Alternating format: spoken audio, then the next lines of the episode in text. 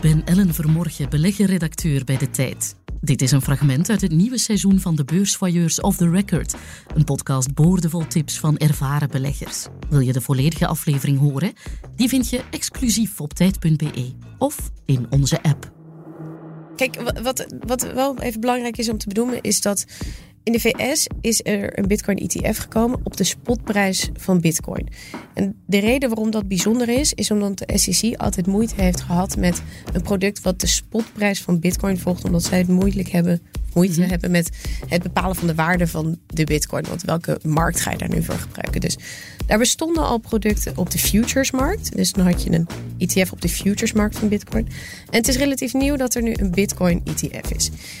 Het is nieuw voor Amerika. Ja. Het is niet nieuw voor Europa. Dus wij hebben dit al eh, heel erg lang.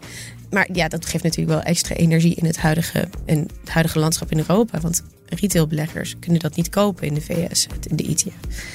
En dan kom je op het andere onderwerp. Waarom heet het een ETF in Amerika en heet het in Europa niet een ETF?